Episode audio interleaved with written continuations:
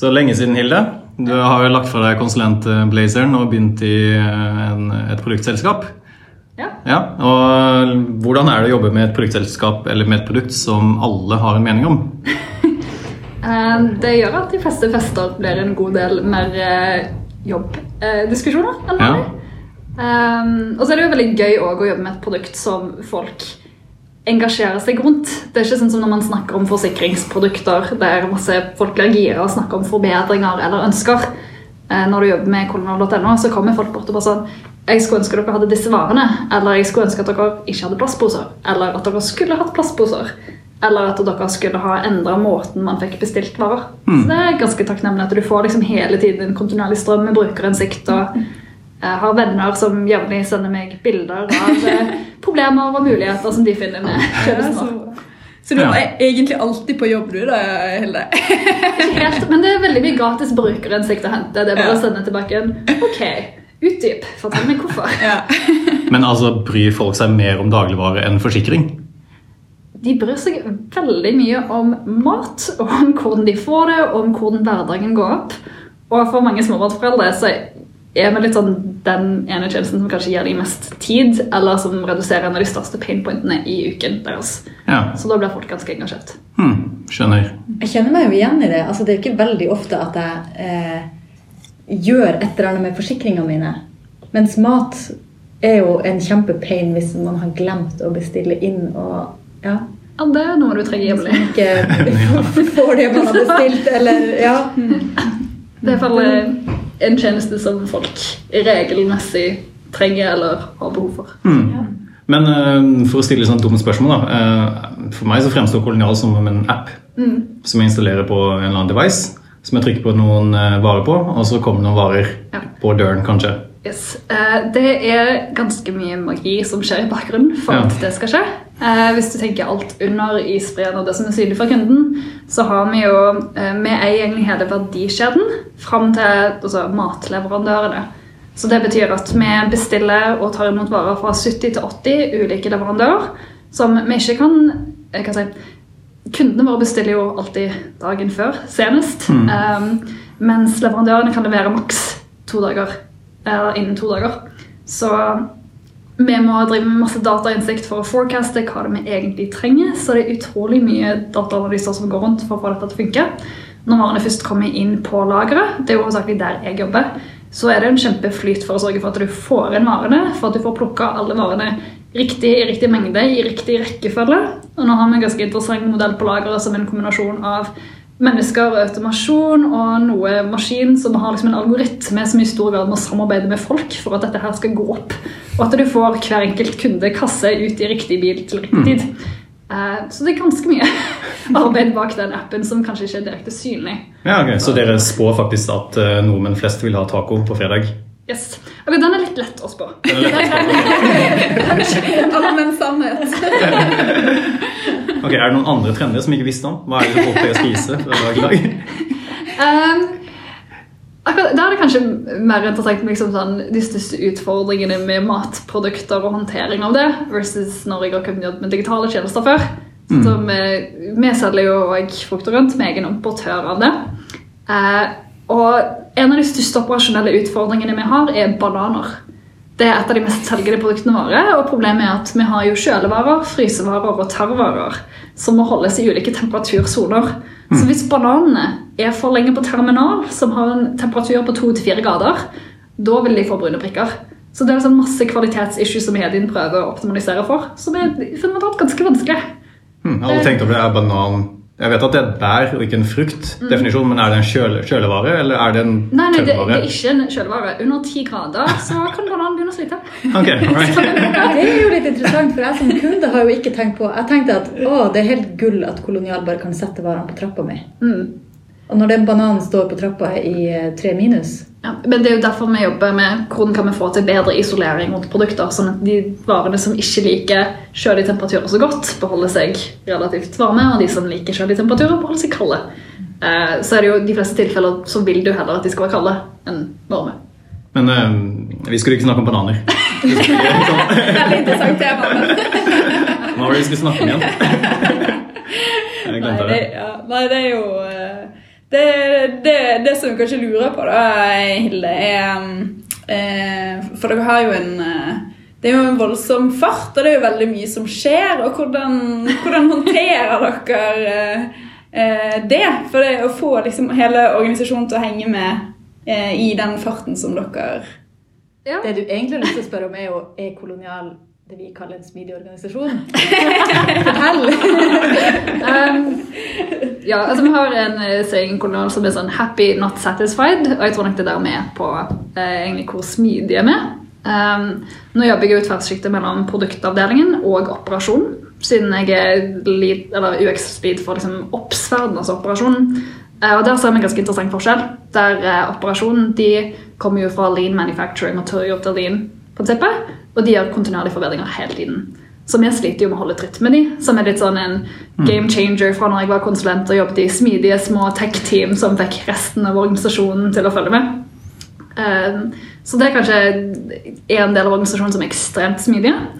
Eh, I produkt- eh, og tech-siden av Kolonial, som er ganske store fordi vi forvalter så å si alle interne systemer selv, og bygger de og utvikler de fra scratch, så har vi måttet begynne å tenke litt nytt rundt hvordan vi organiserer oss for at vi skal være like smidige som ønsker. Fordi nå er jo Kolonial seks år gammel, så man har jo etter hvert bygd ganske mye for et veldig stort domene.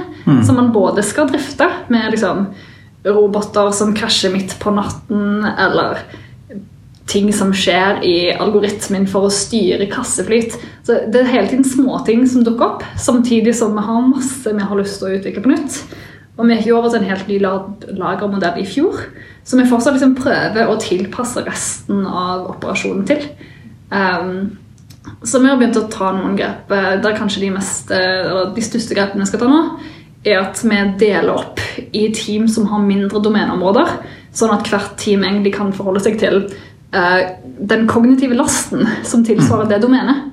Fordi vi har ganske mye kompleksitet, og det er veldig fort gjort å begynne å designe noe som man tenker dette er virkelig lurt, og etter en halvtimes avsjekk med noen utviklere, så er det sånn yes, vi går videre. Og så er det rabbit holes overalt. Hvordan er det dere liksom definerer scopet for team? Er det liksom leveranseteam, eller er det bananteam? vi, har, vi dessverre ikke eh, nok folk ennå til å ha dedikert banantid. Okay. Jeg har faktisk hatt en task force som het eh, Task Force Brown Banana. Å, Som jobbet litt dedikert med dette. Eh, men i hvert fall i produkt- og tech-verden uh, Der kommer vi antageligvis i hvert fall eh, på oppstekk, min avdeling, eh, til å splitte oss mer basert på de ulike flytene på lageret. For eksempel, Vi har jo to ganske distinkte flyter. Den ene er inventarflyten, altså alle varene vi får, altså som vi bestiller fra leverandører, fra vi får de inn til de plasseres på riktig sted, sånn at de blir plukka riktig tide. Som er overraskende komplekst å få til. Um, og så har du produksjonslinjen og flyten av ordre fra kunder og hva som skal plukkes til de. Så det er i hvert fall den splitten vi skal prøve oss på nå, som òg speiler ganske greit avdelingene på lageret. Um, så det blir lettere med stakeholder uh, management. Men hvordan er det da For i, i en sånn eh, type verden da, så må jo eh, Så flytter man gjerne folk mellom team. Hvordan eh, fungerer det? Eh, Forrige uke så hadde vi først en sånn stor teamrullering i år, der eh, man bytta Nå har vi i produkt- og tech-avdelingen så har vi kundetech, som er stort sett de som jobber med kundefokuserte systemer og verktøy. Så har du Opstech, som jobber med operasjonssentriske verktøy. Og så har du eh, Delivery Tech, som jobber med distribusjon og kjøre, eh, sjåførverktøy. Um, så da tok vi en rotasjon der en person på hvert team kunne switche team. Men altså, altså Målet er jo at man skal kunne forflytte seg, men at vi har team som får jobbe sammen lenge nok til at de blir effektive. For det tar litt tid å komme inn god flyt teammessig. Og i, fall, i en del av domenene vi har, så tar det ganske lang tid før du egentlig forstår hvordan ting henger sammen og kan være effektiv i problemløsning og produktutvikling. Det var en ting jeg bare beit meg litt merke i, som du sa, at eh, vi vurderer nå en litt annen organisering. Yes. Eh, hvem er vi? Er det liksom kolonial, det vil si ledelsen har bestemt at vi skal organiseres annerledes, eller er dere liksom en sånn levende organisme her som dem bare flytte seg litt etter behov ut Det, det? er en veldig um, Dette var en veldig ground up-beslutning, der um, eh, en utvikler i Jeg tror i hvert fall den originale ideen kom fra en utvikler som jobbet i Kundetek, som kjente på den ene smertene med hver scale-up. Så sirkulerte han eh, en PDF-bok som het ShapeUp fra Basecamp, som egentlig illustrerer ganske mye av de smertene vi har kjent på. Der de har liksom funnet en annen måte å håndtere produktutvikling i en scale-up-verden. Eh, og den spredte seg i løpet av et par dager, sånn at de fleste andre teamene hadde lest den. Og så ble vi enige om at det virka veldig lurt. Så da satte man i gang og begynte å teste det ut i Kundetek. Um, før man da til slutt i produkt- og tech-leads-møtene fant ut at dette her er noe som antageligvis bør løfte opp og prøve å tilpasse OKR-prosessen vår til. Eh, sånn at den foreslåtte endringen med teamstruktur og fokus i visse tidsintervaller matcher overens med det strategiske hva si, årshjulet.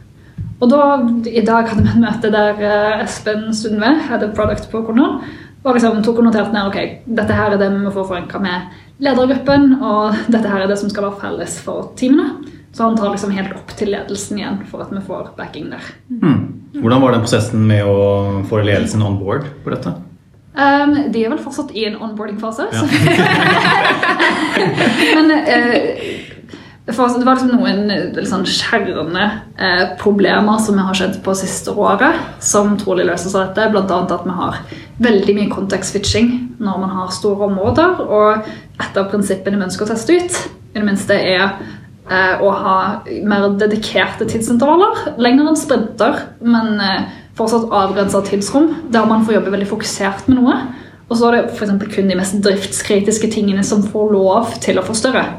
Um, og det er noe man har tatt face to face med de fleste uh, i ledelsen og i andre viktige stakeholderstillinger rundt i organisasjonen. Og de fleste skjønner veldig godt hvorfor det kan være effektivt. Mm. Det, Lager har gjort samme endring i høst. Der de fant ut at i stedet for å gå for liksom veldig mange små forbedringer hele tiden, og heller ta dedikert tid til noen områder og satse på det. Ja. Mm. Ja. ja. Jeg skal si noe som er litt sånn uh. Nå er jeg spent. Ja, fordi at uh, Nå snakker du om at ok, man skal være et team som er liksom um, mer fast over tid, mm. og man skal ikke jobbe med så korte sprints, man skal mm. litt lenger. Hva er forskjellen på et prosjekt og organisering og denne måten å jobbe på? Fordi et prosjekt er liksom litt sånn mm. litt sånn fy-fy. Jeg skjønner ikke helt hva folk har imot prosjekt for å være helt ærlig. Um, så da tror jeg det kanskje er bedre å ikke snakke om prosjekt som det paraplybegrepet, men mer hvordan man faktisk har lyst til å jobbe og konkretisere litt. Sånn at man ikke får assosiasjoner som man kanskje mm. uh, forbinder med prosjekter. Mm. Uh, da dette her, Du kan gjerne kalt de syklusene vi ønsker å fokusere tid til noe, som prosjektperioder. Men det viktigste for oss er at vi får tid til å fokusere. Vi har folk tilgjengelig på det teamet med den kompetansen man trenger. Det inkluderer det òg ganske sånn grundig domeneforståelse. Så antageligvis så kan man ikke bytte radikalt mellom ulike områder eh, mellom hver eh, si, byggeperiode, eller hva man skal kalle det. Um, og i tillegg, en annen ting vi har lyst til å ta, som fins i noen prosjekter, men ikke alle, er den uh, fixed time variable scoping. At mm. man mye hardere holder på at så stor appetitt har vi egentlig for en forbedring, i stedet for at vi estimerer hvor mye tid det tar, og så bare går det ut i evig tid. Mm. Mm. Um, så kanskje største forskjellen på dette her og prosjekter vil være at du har folk som jobber sammen, ganske ofte i samme si, teamkonstellasjoner, og i mye si, likere domene over tid enn at man liksom bare hopper fra prosjekt til prosjekt. Mm. Um, ja. Så hvis du ser på de eh, seks forskjellige kjennetegnene til en smileorganisasjon, mm. prøver å knytte det til kolonial ja. Første ekte kundeorientering, og der jobber dere med brune bananer. Som er liksom Blant, okay, right. Brune bananer, det funker for meg. Neste myndiggjorte teams, eh, og der er det en prosess som dere er måte, i ja, jeg vil si at vi har, eh, vi har veldig stor grad av um, autonomi og bestemmelsesrett selv at man jobber på tidligere. Men mm. når man har avhengigheter til veldig mange ulike steder i organisasjonen, så tar det mer tid, og da blir plutselig myndigheten litt mer distribuert. Mm. Så det handler jo egentlig om å skape rammer rundt teamene som gjør at de kan ta beslutninger fortløpende. Mm. Og at det er mye lettere å ha et grensesnitt mot f.eks. leder av operasjonen som vil bli påvirka av nye prosesser og systemer vi kommer med. Sånn at eh, man kan ta beslutninger sammen. Ja, ikke sant. Og så har dere sånne tax, task forces som på en måte er en slags sånn team, da. Vinjord-team, som er Brune Bananer Task Forcen. For, eksempel. Ja. eh, tredje var det, retningsgivende ledelse. Ja, eh, hvordan Det er en prosess som Jeg er i syns jeg gang. hørte OKR. Ja, Ja, Ja, vi har- Vi har en eh, jevn OKR-prosess der man prøver å sette opp liksom, hovedobjectives. Og har vært, eh, i år har man slanka ned litt mengden OKRs. Ja. Så det er bare tydeligere ledestjerner for hele operasjonen. Mer med noen kontroll-KPI-er som man følger med på. Eh, fordi det er jo litt den Det er så mange ting vi har lyst til å forbedre. uh, At det er fort gjort å gå i spagaten. Ja. Så nå har vi liksom noen veldig, veldig tydelige retninger. Så jeg tenker retningsgivende. Check. Mm. Og så snakker vi nettopp om eh, fleksibel eh, menneskeforflytning. Som vi ja. kaller det. ja, ikke sant? fleksibel sammensetning av folk. Eh, og så snakker vi også litt om uh, Eller et femte punkt var vel uh, vertikal, horisontal, diagonal samhandling. Ja. Hvordan funker det? Det er veldig lav terskel for å snakke med folk og få ting gjort, både opp og ned. Og, eh, jeg har hatt luksusen av å være med i styremøter i Kolonial, så da har jeg liksom fått høre sånn hva som skjer på toppnivå. Mm. Eh, og det Du merker liksom at eh, det ledelsen presenterer inn mot styret, det blir i veldig stor grad påvirka av det folk eh, som jobber i helt andre stillinger eller andre steder i selskapet, kommer med. Ja. Um, så det er ganske fin flyt av informasjon. Um, I alle fall i liksom, produkt- og tech- og admin-verden. Man har nok noen større utfordringer på operasjonen. Der det er kanskje noen operatører som ikke alltid føler at deres ideer kommer helt opp, eller at det blir formidlet tilbake at det har faktisk blitt tatt inn. Mm. Men må ideene hele veien opp, eller kan liksom et team ta en idé videre til et annet team og bare gjennomføre det innenfor, sin, på en måte, innenfor sitt handlingsrom? Um, ja, jeg tror kanskje det vi kjenner mest på denne, um, Det er et sitat fra Blitzscale som jeg synes er veldig fint, som passer for en scale-up. Der det, du prioriterer ikke hvilke branner du skal slukke, du prioriterer hvilke branner du skal brenne. Ja. Uh, det er sånn, Man har lyst til å gjøre så mye, og det, det hva jeg si, ganske mye man må si nei til. Og det er ofte det som skjer hvis et annet team kommer med noe. fordi det er sjelden at de kommer med noe som er viktigere enn det man har identifisert kanskje i den, det området allerede. Ikke sant? Um, men det har ikke så veldig mye med liksom, horisontal forflytning, som er ganske hard prioritering. Ja, skjønner. Og den siste er uh, Kultur. kultur. Ja. Menneskeorientert og greier. Ja. Hvordan er kulturen liksom psykologisk trygghet? Liksom, er det Bra orientert? mennesker. Det er kjekt. Og de jobber sammen. Eh, ganske eh, vagt spørsmål, så det spørs liksom hva slags kultur. eh, I smidig metodikk og sånn, så er det jo viktig at man skal eh, føle at man har rom til å feile og teste nye ting og lignende. Det føler jeg at det absolutt er rom for. Det, nå har vi jo, sånn som Forsøket på å endre prosesser nå, det er jo noe vi tester ut basert på veldig lite data.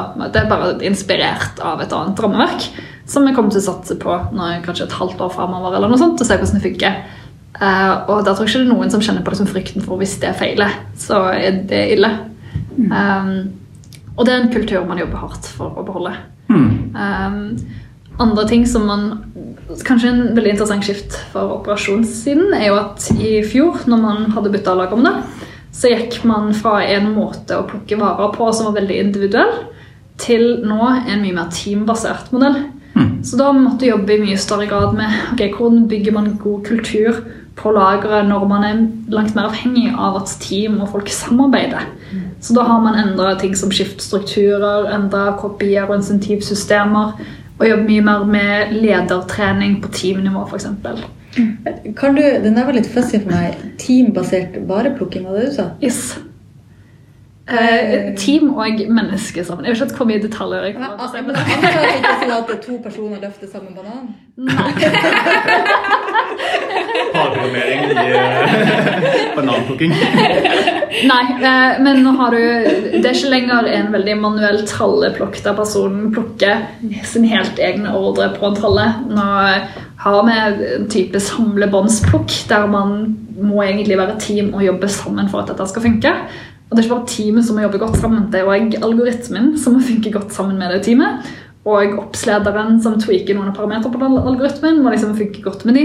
Så det er et sånn mer komplekst samarbeidsbilde på lageret som man måtte prøve å finne gode eh, si, rammeverk rundt. Men som de insentivmodellene vi hadde før, de falt jo bare helt i bakken når vi fikk den nye prosessen. Så, Kult. Så eh, oppsummert seks av seks. Check, check, Check, check, check. check, check. Men, Terningkast men Jeg har fått to Castello som jeg ikke har bestilt. sant? Jeg har fått uh, brune bananer en gang. Det er sånn.